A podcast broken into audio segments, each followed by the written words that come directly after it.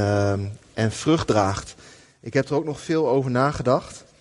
En ehm, wat ik er ook uithaalde was dat ehm, als er een nare omstandigheid komt, dan, dan probeert het Rijk der Duisternis natuurlijk jou mee te sleuren hè? in een nare omstandigheid. Je helemaal de put in te trekken, je van God los te snijden, zodat je valt.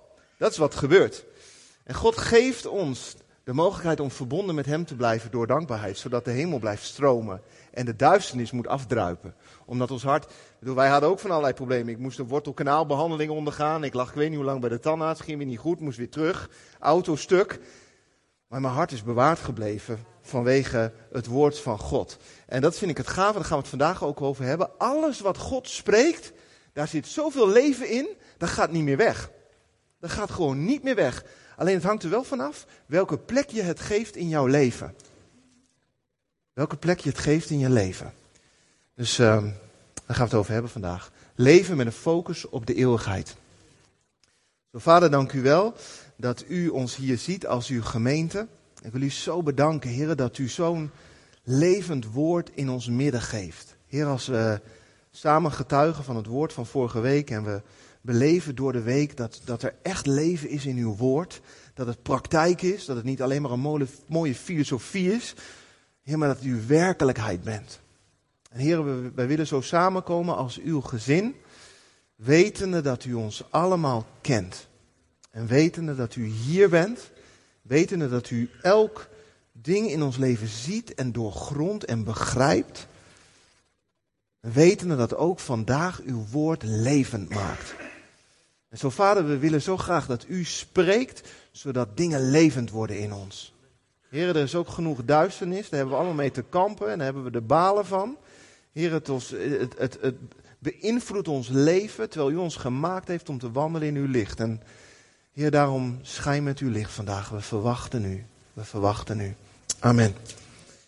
Wie eh, komt er vandaag met honger naar een woord van God? Nou, dan heb ik alvast een boodschap voor je. Kijk, als je komt met honger naar een woord van God, heeft God altijd wat voor je. En dat is dan minder afhankelijk van hoe goed de spreker kan spreken. Dus het geeft mij enige ontspanning dat een aantal mensen hun vinger opstaken. Maar dat is echt waar. Het ligt eraan hoe je luistert. Als je luistert met een hongerig hart, ja, dan kan God je zo makkelijk dingen geven en zo makkelijk dingen openbaren. En aan de andere kant is er ook voor, hoop voor mensen die zeggen van ja, ik voel het allemaal even niet. Want als er maar een klein beetje geloof in je is, dan kan God daar al mee aan het werk. En hij kan vandaag dingen openen, zodat je kunt gaan zien wie hij is. Ik wil vandaag met jullie spreken over leven met een focus op de eeuwigheid. En weet je, mensen zijn gemaakt om eeuwig te leven. En wij geloven dat hier met elkaar omdat we de Heer Jezus hebben leren kennen. Maar ook voor de mensen die de Heer Jezus niet kennen, is het heel logisch dat mensen eigenlijk voor de eeuwigheid gemaakt zijn. Want misschien heeft een van jullie wel eens meegemaakt dat er iemand gestorven is. Dat je iemand bent verloren. En je ziet dan, als wij afscheid moeten nemen van iemand, dat het eigenlijk zo onnatuurlijk is. Dat het eigenlijk gewoon niet klopt. Dat we eigenlijk zo moeite hebben om los te komen van die persoon. En we willen die mensen herinneren. En we brengen naar voren hoe de mensen geleefd hebben en wie ze zijn. We plaatsen gedenktekens. En dat komt omdat God ons ontworpen heeft om voor altijd te leven. Het is ook niet natuurlijk om afscheid te nemen. Dat klopt ook niet. De dood is niet van God. Hij heeft ons gemaakt om altijd te leven. En in Colossense 3 wordt ons opgeroepen om te leven in licht van de eeuwigheid. Er staat, als u nu met Christus opgewekt bent, zoek dan de dingen die boven zijn. Waar Christus is, die aan de rechterhand van God zit. Bedenk de dingen die boven zijn en niet die op de aarde zijn. Want u bent gestorven en uw leven is met Christus verborgen in God. En wanneer, Christus openbaar zal worden, die ons leven is, dan zult ook u met hem geopenbaard worden in heerlijkheid. Nou, prachtige volzinnen natuurlijk, hè? Bedenk de dingen die boven zijn. Het klinkt hartstikke gaaf. Maar ja, wat betekent dat nou eigenlijk? He, want het klinkt heel zingevingachtig. De dingen bedenken die boven zijn. En hij plaatst het een beetje in context. In Colossense 2 wordt een heel verhaal geschreven over religie. Er wordt helemaal geschreven over allerlei dingen die mensen bedacht hebben. Dat je dit moet eten en dat niet. En dat je op een bepaalde dag dat moet doen en een bepaalde dag dat weer niet. En hij zegt eigenlijk, jongens, daar zit het niet in. Daar zit het niet in. En in Colossense 3, na dit stuk, wordt geschreven over allerlei dingen die ons afhouden van het leven van God. Allerlei zonden, allerlei ellende die ons aangedaan wordt, maar die wij ook doen. En hij zegt, laat die dingen los. Je oude mens, laat die achter en trek je nieuwe mens aan. En die nieuwe mens is eigenlijk het leven wat Jezus aan ons gegeven heeft. Hij heeft een leven gegeven in een open verbinding met de Vader. Een eeuwig leven. En als de Heer Jezus openbaar wordt, als Hij voor iedereen de koning wordt, zichtbaar, als Zijn heerlijkheid zichtbaar is, dan zal ieder die in Hem is, daarbij staan. Ook openbaar worden als een liefhebber van God, als een kind van God, als een dienaar van God. Zul je staan en schitteren in de bestemming die je altijd al gehad hebt, om Hem te weerspiegelen. Hoe heb je nou zo'n focus op dat eeuwige leven? Nou, dat staat hier al een beetje.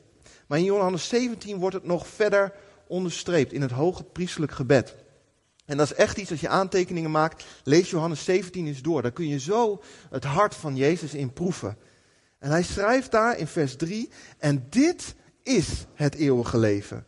Dat zij, dat zijn wij de mensen, u kennen. De enige waarachtige God en Jezus Christus die u gezonden heeft. Dus als je je nou afvraagt, hoe heb ik een focus op de eeuwigheid? Dan is het God te kennen. Hoe ken je iemand? Je kent iemand door te spreken met diegene. Je kent iemand door te wandelen, door je hart te delen, door alles te roepen. Misschien heb je een goede vriend of een partner waar je alles kan zeggen. Waar je ook je ellende neer kan leggen, je twijfel, je verdriet, je zorgen. Waar je je vragen gewoon kan opheffen. Dat is kennen. Dat proces is kennen. En zo zegt Jezus, het eeuwige leven is Hem te kennen. En in vers 8 zegt hij, want de woorden die u mij gegeven hebt, die God Jezus gegeven heeft, heb ik hun, de mensen, gegeven. En zij hebben ze aangenomen en zij hebben daadwerkelijk erkend dat ik van u uitgegaan ben en hebben geloofd dat u mij gezonden hebt. En dat is echt een sleutel voor ons om te leven met blik op de eeuwigheid. De woorden van Jezus hebben eeuwig leven in zich. De woorden van Jezus, elk woord wat Jezus spreekt, komt niet leeg terug, zegt zijn woord. Elk woord wat Jezus spreekt en wat jij, waar jij jezelf onderstelt, waar jij erkent zijn heerschappij in zijn woord boven mij. Dat zal in jouw leven voor altijd vrucht dragen, want het gaat nooit verloren wat Jezus spreekt. En als je daar gehoor aan geeft, als je Jezus ook in zijn woord Heer maakt van je leven, dan zal de uitkomst daarvan door je leven heen eeuwigheidswaarde hebben.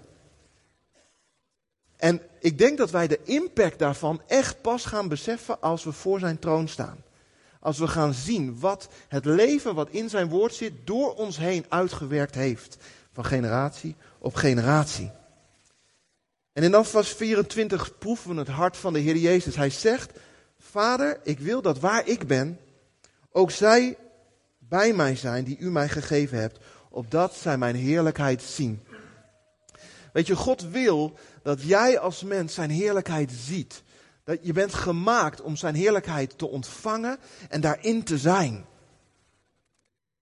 En hij heeft je gemaakt om beloond te worden, om te delen in wat hij ge, gekocht heeft, maar ook alles wat jij op waarde geschat heeft, wat hij gesproken heeft, ook om dat te zien.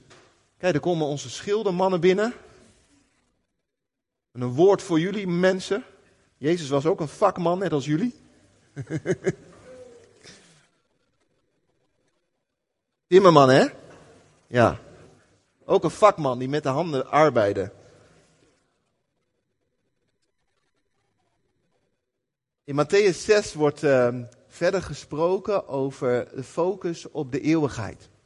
En de Heer Jezus begint daar om ons te leren hoe te bidden. En hij zegt, bid dan zo, onze Vader die in de zijt, uw naam worden geheiligd. Dus dat is de eerste sleutel, dat als eerste, als hoogste naam, de Heer Jezus geëerd wordt in je leven. Uw koninkrijk komen. Kijk, als het koninkrijk van God komt, dan betekent dat waar hij is, is zijn rijk en hij is koning. En waar hij koning is, daar gelden zijn wetten. En waar hij koning is, daar is zijn invloedssfeer. Laat dit koninkrijk komen. Laat uw wil geschieden zoals in de hemel ook op aarde. Weet je, als je dat bidt in elke omstandigheid, dan heb je vanzelf focus op de eeuwigheid. Want alles namelijk wat zijn wil is daar en wat hier gedaan wordt, heeft eeuwigheidswaarde in zich. En zal nooit meer weggaan. En dan in Matthäus 6 begint de Heer ons te leren over bezorgdheid. En hij begint ons te leren over schatten. En dat spreekt ons allemaal aan, schatten. Er zijn niet voor niks zoveel films over het ontdekken van een schat. En niet zo, voor niks zijn er zoveel stripfiguren, stripverhalen over het ontdekken van een schat. En het overwinnen van het kwaad. En het zien van een berg goud of edelstenen. En het spreekt ons allemaal aan, het prikkelt ons. En het komt omdat God ons gemaakt heeft om schatten te verzamelen. En daar staat, verzamel geen schatten voor u op aarde. Waar mot en roes ze verderven en waar dieven inbreken en stelen. Maar verzamel schatten voor u in de hemel waar geen mot of roes ze verderft. En waar dieven niet inbreken of stelen. Want waar je schat is, daar zal ook je hart zijn. En een stukje verder zegt hij, je kan geen twee heren dienen, je kan niet God dienen en de mammon. En ik dacht heel vaak dat het te maken had van je mag niet rijk willen worden, je moet niet op het geld zitten, en je moet, wat het is slecht en dat is niet goed, want dan zit je onder de mammon. Weet je dat de context hier heel anders is? De context gaat over bezorgdheid. De Heere zegt, alles wat jij meer vertrouwt dan mij, zal je zorgen opleveren. En alles waar zorg je leven binnenkomt, daar komt de kaalvreter en hij gaat daar indrukken. Die zorg zie je wel, zie je wel. God heeft vast wel gezegd, God zal vast niet dit. God zal... En hij gaat investeren in die zorg, de mammon. Terwijl jij bent een kind van God. Je hebt een vader in de hemel die alles bezit en alle macht heeft. En hij gaat je proberen af te brengen van je positie. Namelijk dat je in hem bent. En dat er voorziening is voor jou, want hij is de voorziener. Hij die je dient. Maar de kaalvreter, de mammon, zegt er is nooit genoeg. Er zal altijd te weinig zijn.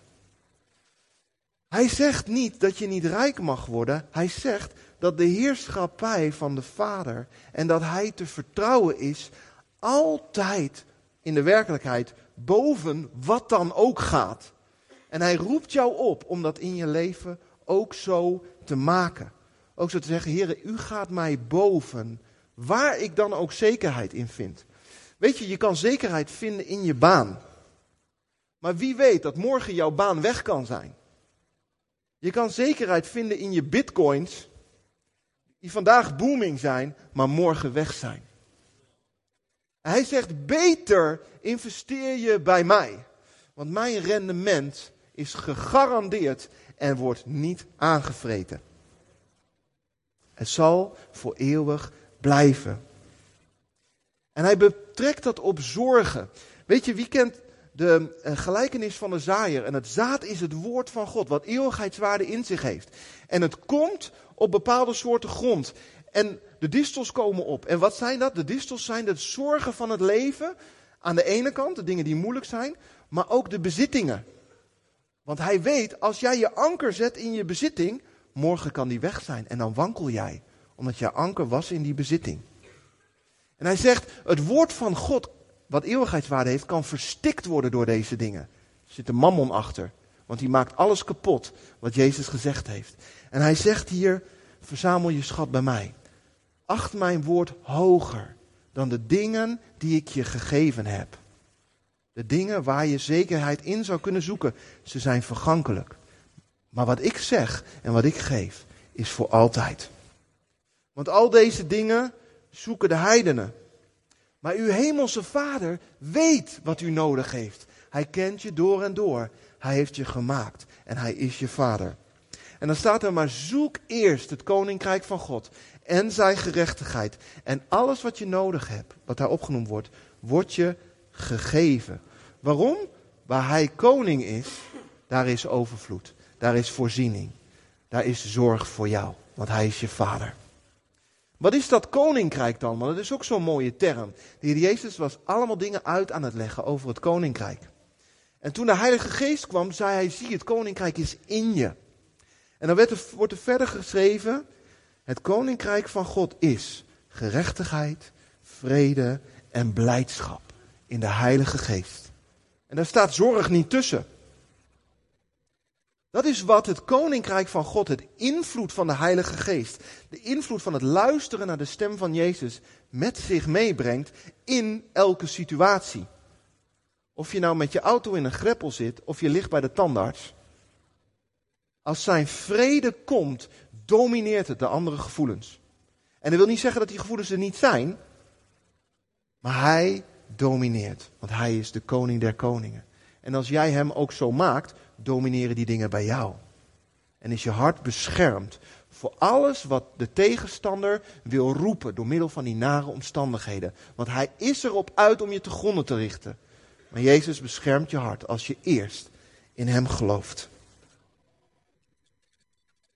Als we het hebben over het koninkrijk, dan zegt Jezus daar heel veel. Onder andere spreekt hij over de gelijkenis van de talenten. En voor wie die gelijkenis niet kent, even heel snel is een rijk man die uh, op reis gaat en hij laat sommen geld achter aan drie dienstknechten van hem. En de ene krijgt vijf talenten, de ander krijgt twee en de ander krijgt één talent. En nou heb ik gelezen, er zijn meningen een beetje over verdeeld, maar een talent is serieus geld. Een talent is 20 jaar salarissen. Nou, wat is 20 jaar salarissen? Half miljoen euro ongeveer. Dus dat is uh, aan de lage kant. Eén talent, half miljoen euro ongeveer. Laat die na aan deze mensen.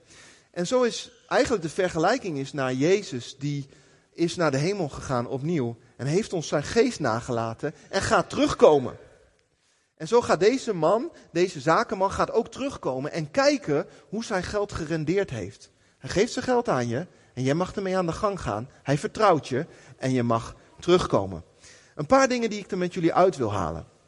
Want we vinden het wel eens een beetje spannend dat we vergelijken. Ja, de een krijgt één, de ander krijgt twee, de ander krijgt vijf. Is de ene dan belangrijker dan de ander? En daar zijn we in dit leven vrij veel mee bezig, met vergelijken. Weet je wat zo ontspannen is? Dat de Heere zegt, ieder krijgt naar zijn bekwaamheid. Dus de Heer Jezus kent je door en door. Hij heeft je gemaakt. En hij geeft jou wat bij je past. Ja, hij geeft gewoon wat bij je past. En dat betekent niet dat je allemaal een vijf talent iemand moet zijn. Nee, als jij een één talent iemand bent, of een twee talent iemand, of een drie talent iemand, dan ben je dat. En dat is wat God je geeft. Daartegenover staat dat God ook niet meer verwacht van je dan wat je bent. En dat betekent ook dat ik niet hoef te doen wat jij doet en jij niet hoeft te doen wat ik doe. Ah, dat is lekker ontspannen. Je mag bij God jezelf zijn en hij geeft je wat bij je past. En daar mag jij mee aan de gang. Het mooie vind ik ook dat God is op rendement uit. Dat vinden we ook wel eens een beetje spannend, want er hangt een verwachting aan. Maar God geeft je alles wat nodig is om rendement te halen. God is een God van rendement. Kijk maar, stop maar zijn zaadje in de grond. Komt een struik uit. Overvloed aan zaadjes. God is een God van rendement. Bij hem groeien de dingen en bloeien de dingen. En dat mag ook in je leven zo zijn. Als hij je kent en je dingen toevertrouwt, dan mag je erop vertrouwen dat als je die inzet tot eer van hem, dat het ook vrucht gaat dragen. Weet je wat ik ook zo mooi vind aan deze gelijkenis? God beloont. Want dan komt die man met vijf en met twee talenten komt terug bij God. En hij zegt, goed gedaan, trouwe dienstknecht. Nou weet je, ik denk dat als jij straks voor de Heer Jezus staat en hij zegt tegen jou, goed gedaan. Dan is de schepper van hemel en aarde, de machtige koning die jou gemaakt heeft, die je door en door kent. En hij zegt, goed gedaan. Dat is het beste wat je kan horen. Want heel vaak heb ik het idee dat ik maar een beetje in de marge aan het rommelen ben. En als de Heere dan zegt, degene die alles ziet, hè, voor wie niks verborgen is, Goed gedaan, trouwe dienstknecht. Beter kan je niet horen. Maar ten tweede zegt hij, ga in tot de vreugde van je Heer. En daarin zie je dat God zich verblijdt over alles wat Hij gezegd heeft, wat jij hebt geaccepteerd en wat je hebt gedaan daarmee. Want het heeft gerendeerd en Hij verblijdt zich erover. Want Hij weet hoe jouw bemoediging een ander raakte, waardoor die tot bloei kwam. En dit kon doen en dat kon doen. En Hij ziet de wijte en het bereik van zijn zegen. Hij ziet het in de eeuwigheid en hij verblijdt zich. En jij zult ingaan in die vreugde. En dan zegt hij, krijg je dus, als jij de man met vijf talenten bent, krijg je dus minimaal 2,5 miljoen euro. Hè? En dan zegt hij, over weinig heb ik je gesteld, over veel zal ik je stellen. God is een vermenigvuldiger. En alles wat je in dit leven van hem krijgt, is nog maar een schaduw van wat hij je toe zal vertrouwen. Het is een heerlijk vooruitzicht om te zien dat God je de beschikking geeft over veel. En daar kun je er ook niks zondigs meer mee doen. Daar kun je er alleen maar zegen mee hebben. En je ziet dat dit leven een oefening is. En we hoeven niet bang te zijn voor deze talentengelijkenis. Uh, Weet je waar het misgaat? Degene die één talent heeft. En eens lezen wat daar gebeurt. Maar hij die het ene talent ontvangen had, kwam ook en zei: Heer, ik wist dat u streng man bent, omdat u maait waar u niet uh, gezaaid hebt en u inzamelt van de plaats waar u niet gestrooid hebt. En ik ben bevreesd weggegaan en u hebt uw talent verborgen in de aarde. Zie, hier hebt u het uwe. Dat hebben we eerder gehoord. Iemand die bevreesd was en zich verborg voor God. Dat deed Adam ook. Toen de heerlijkheid van God bij hem weg was, verborg hij zich voor God en hij was bang. En dat is het, denk ik het grootste ding wat God zo'n pijn doet. Dat er scheiding is tussen de mens en hem.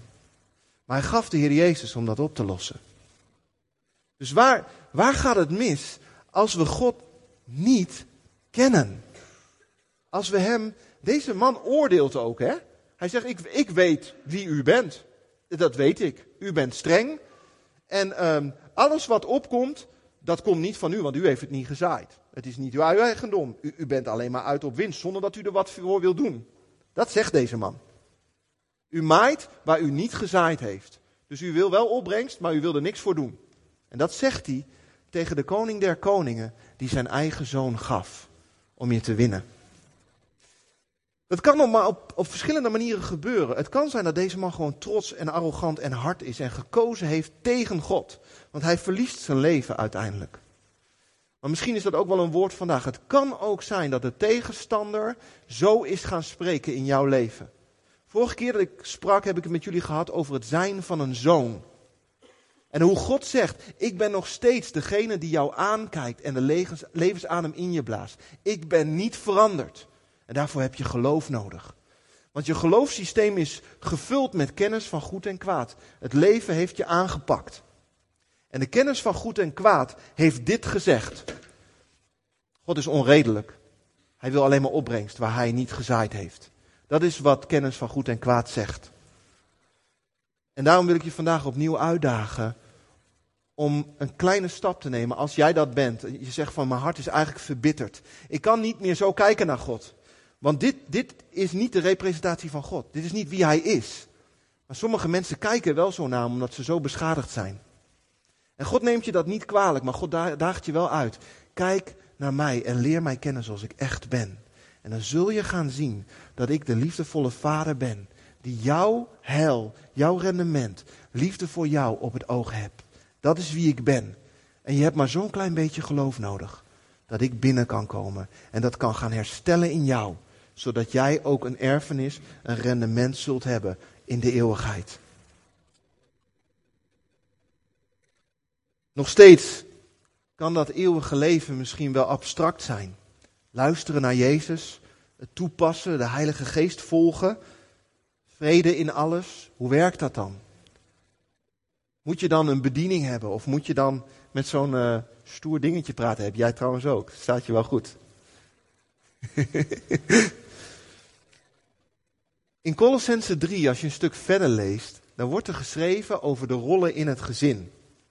En daar staat iets zo geschreven over vrouwen, mannen, vaders, kinderen, werknemers. En het is mooi dat God spreekt over de rollen. En iedereen die hier zit heeft een rol. Je bent een kind, je bent een vader, je bent een moeder, je bent een werknemer.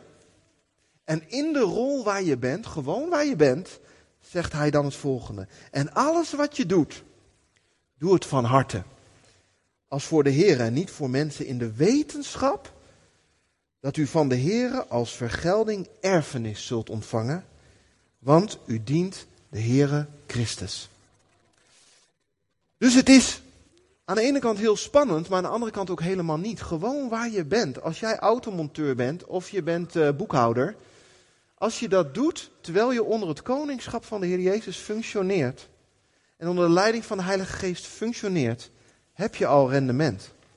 Heb je al eeuwig rendement en heb je al een eeuwige erfenis. Want mensen zullen aan je gaan merken dat dat leven in je is. En dan moet je nog steeds doen wat Jezus zegt. Je moet getuigen, je moet vertellen. En de wonderen en tekenen kunnen gebeuren. Maar wie weet met mij dat niemand er wat van gelooft als jouw leven niet zo is. Kijk, je kan zeggen, ja, ik getuig van Jezus. En vervolgens besteel ik mijn baas. Nou, gaat goed komen. Not. Toch? Dus we kunnen heel erg gefocust zijn op die opdracht van God, die we absoluut moeten doen. Maar het leven erna leven is eigenlijk de basis waarop zo'n woord uiting kan krijgen en kan landen. Moet je leven dan perfect zijn? Nee. God kan de grootste getuigenis doen door een leven wat nog aan alle kanten rammelt. Maar als je getuigt van het leven van Jezus, wat Hij in je gedaan heeft, heeft dat eeuwigheidswaarde in zich. En het zal je leven langzaam maar zeker steeds verder gaan domineren. En de duisternis uit je leven verdwijnen, verdrijven. Dat is wat God doet. Zonder geloof, zegt Hebreeën 11, is het onmogelijk God te behagen. Daar hebben we het vorige keer over gehad. De moeite die ik daarmee had. Want wie tot God komt, moet geloven dat Hij is en dat Hij beloont wie Hem zoeken. Ik mocht het alweer zo ervaren in dit woord. Ik was met God erin bezig en ik heb dan allerlei vragen. Heer, waarom is dit? Hoe zit dat? En als je een vraag stelt aan God, dan zoek je Hem en dan beloont Hij je vaak met een antwoord. En dat wil niet zeggen dat het antwoord altijd meteen komt. Sommige antwoorden moet je voor knokken. En des te bevredigender is het als je van God inzichten krijgt over dingen. En zijn die dan onfeilbaar? Nee joh, ik ben, uh, ik ben gewoon een mens en, en ik trek conclusies en die zijn uh, onvolkomen. Maar ik weet wel dat als God antwoordt, zijn leven erin zit. En ik daar een stap verder mee kan in mijn leven. 1 Korinthe 3 zegt, want niemand kan een ander fundament leggen dan wat gelegd is. Dat is Jezus Christus. Of nu iemand op dit fundament bouwt met goud, zilver, edelstenen, hout, hooi of stro. Ieders werk zal openbaar worden. Vinden jullie dat spannend? Als je werk openbaar wordt? Wie zit er aan de positieve kant dat je denkt van yes, mijn werk wordt openbaar? En wie zit er aan de kant dat je oeh jee, mijn werk wordt openbaar? Um, eerst de, de, positieve kant. Wie zit daar? En de, en de kant van ik vind het spannend, wie zit daar? Oké, en uh, de rest uh, zit aan geen enkele kant? Ik denk van nou, even kijken waar hij ermee naartoe gaat. ja. Weet je, wat ik je al in eerste kan zeggen, ieder die zijn vertrouwen op de Heer Jezus gesteld heeft, wordt niet veroordeeld. Dus als je voor de troon van God gaat verschijnen, dan ben je al een goede, goede getrouwe dienstknecht die ingaat in de vreugde van zijn Heer. Dat is één. Dus zeg maar, de angst uh, hoeft daar niet te zijn. Maar het is natuurlijk wel zo um, dat je graag een rendement wil hebben voor de eeuwigheid. Want God is uit op je rendement. En het hangt wel af van hoeveel je hebt geluisterd naar de Heer Jezus. Want in de woorden van Hem is eeuwigheidswaarde. Kijk, je kan je helemaal de pokken rennen en nog geen rendement halen. Want als Jezus het niet gezegd heeft, ja, ren maar een end, maar dat wordt hem niet. Als Jezus het gezegd heeft, daar zit de waarde in. Dus waar zit de waarde in? In het erkennen van Hem als Heer en onder Zijn heerschappij te functioneren en de dingen te doen. En hoe ieders werk is, zal door vuur beproefd worden. Maar God die kijkt met zoveel, God doorgrondt alles hè. Ik vind dat best wel eens eng. Omdat hij alles ziet. Maar weet je wat het gave is? Als ik eerlijk ben naar God, Er is genade voor mij. Er is gewoon genade. En wat we juist niet moeten doen, is bang worden en ons verstoppen. Alsof we ons überhaupt voor God kunnen verstoppen. Weet je wel? Gaat hem niet worden. Beter worden we open en zeggen we: Ja, Heer, ja, Heer, maak mij meer als U. Dus waar ligt je zekerheid in? Als je nog op jezelf vertrouwt, ja, dan heb je wat te vrezen. Want uit jezelf gaat het niet komen. Maar als je op Jezus vertrouwt, dan is alles wat op dat fundament gebouwd wordt, wat door zijn woord geïnspireerd is, wordt goud, zilver of edelstenen en zal blijven. En het gaat erom, hij zegt van je zult schade lijden, want ik denk wel dat wij zullen merken dat als wij uit eigen eer of uit eigen belangen op het fundament van Jezus hebben gebouwd, dat als je dat ziet, wat het had kunnen zijn, dat je denkt van, oh, had ik maar, tuurlijk. En toch, dus je zult die schade lijden, maar je zult gered worden. Het moedigt ons aan om te luisteren naar de Heer Jezus en afhankelijk van Hem te zijn. En de dingen die ons nog in de weg staan. Want ja, weet je, God heeft wel eens echt zijn licht op mij laten schijnen. En ook op de goede dingen die ik deed. En heel eerlijk hè, in elk goed ding wat ik heb gedaan, als God zijn licht erop schijnt, dan zitten er altijd een paar corrupte dingen in. Echt serieus. Echt serieus. Ik veranderde, ik zal heel kort, ik veranderde van baan van Xerox, waar ik financieel manager was, naar de Battled. En ik had echt gezegd tegen de Heer, ik zei, Heer, mijn carrière is van u. U mag het zeggen wat ik ga doen. Ik had echt gezegd. Van binnenuit, hè? Echt, echt, echt, echt. Ik had het echt gezegd. En ik ging dit werk voor de Heer doen. En toen was ik eenmaal bezig. En toen kwam er even zo'n heel kleine gedachte. Hij was niet groot hoor, maar hij was er wel. Ah, ik ben eigenlijk best een toffe peer. Ik had daar een mooie bonusregeling. En uh, nou, best wel vet van mij eigenlijk dat ik dit doe. Weet je wel? En toen anderhalf jaar later werd mijn functie die ik had gehad bij Xerox werd vakant. Want het bedrijf werd verkocht en die was, ik was er gewoon uitgeknikkerd anders. En weet je wat ik zo mooi vind van God, hè? Dat hij het er niet in wrijft. Heel eerlijk, hè? Ik had het erin gevreven. hey, jij dacht dat jij zo'n toffe peer was, hè? Ik was al bezig jou te redden daar. Want anders had je gewoon geen baan meer gehad. Weet je wel? Maar God heeft gezien dat mijn hart was oprecht. Ik heb echt oprecht gezegd, heren, u mag mijn carrière hebben. Ik heb het echt oprecht gezegd. En te midden van die oprechtheid was ik toch corrupt. Maar God kan daarmee werken, jongens. God kan daar echt mee werken. Maar het moedigt me wel aan om God zijn licht te laten schijnen op mij, zodat hij al die corrupte deeltjes die nog in mij zijn, onder handen mag nemen, zodat ik meer op Jezus ga lijken. Zodat ik straks ga voor goud als ik bij hem sta. Ik wil afsluiten met Johannes 15. In vers 8 staat, hierin wordt mijn Vader verheerlijkt, dat u veel vrucht draagt en mijn discipelen bent. En elke rank, zegt hij in vers 2, die aan mij geen vrucht draagt, neemt hij weg. En wat is dan eigenlijk de vrucht? De vrucht is de invloed van Jezus in ons leven. Ieder die de invloed van Jezus niet heeft in zijn leven, gaat verloren. Die gaat weg. En als je maar net tot Jezus bent gekomen, dan is er al vrucht in je. Vrucht van wat Hij deed. Want Hij staat achter je aan met zijn liefde. En het moment dat je jezelf naar Hem toe draait, komt zijn leven in je en is er al vrucht. En Hij zegt, als die vrucht er is, dan wil ik graag dat die vrucht gaat groeien. Zodat jij tot je bestemming komt, namelijk dat ik in je zichtbaar ben en mijn glorie in je omgeving zichtbaar is. En die vrucht mag gaan groeien. En hoe doet hij dat? Door te snoeien. En hier staat het heel mooi. Er staat, en elke rank die vrucht draagt, reinigt hij. Zodat hij meer vrucht draagt. En dan zegt hij erachteraan tegen zijn discipelen, u bent al rein door het woord wat ik gesproken heb. Met andere woorden, hoe wil God snoeien? God wil snoeien door te spreken tegen je. Want hij zegt hier tegen, tegen zijn discipelen, u bent al rein. Ik wil je reinigen, zodat je meer vrucht draagt. U bent al rein door het woord wat ik gesproken heb. Dus elk woord wat je hoort van de Heer Jezus, zorgt ervoor dat je gesnoeid wordt en meer vrucht draagt. Zorg ervoor dat je in staat wordt meer vrucht te dragen. Want Hij is het die het in jou doet. Hij zegt, blijf in mij. Zonder mij kun je niks doen. En ik blijf in jou, zodat je veel vrucht draagt. Kortom, Als je focus is op Jezus en je luistert naar Hem en je accepteert Zijn koningschap over je leven, zal de vrucht en het rendement in je opkomen. En je zult in eeuwigheid geen schade lijden, maar je zult delen in de eer van de koning der koningen. En je zult een erfenis en een rendement hebben bij Hem. Kortom, luister naar Hem en maak Hem de koning van elk facet van je leven. En je zult de vruchten gaan zien. En sommige vruchten zie je hier.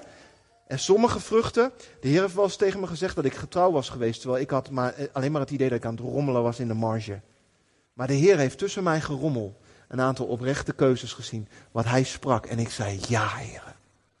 En je kunt nog wel eens verrast zijn voor het geweldige rendement wat Jezus door je heen al gedaan heeft en nog wil doen. Gemeente, wees bemoedigd om te luisteren naar Hem. Want Hij is erop uit om je rendement en eer te geven. Te delen in de eer die Hij heeft. Amen.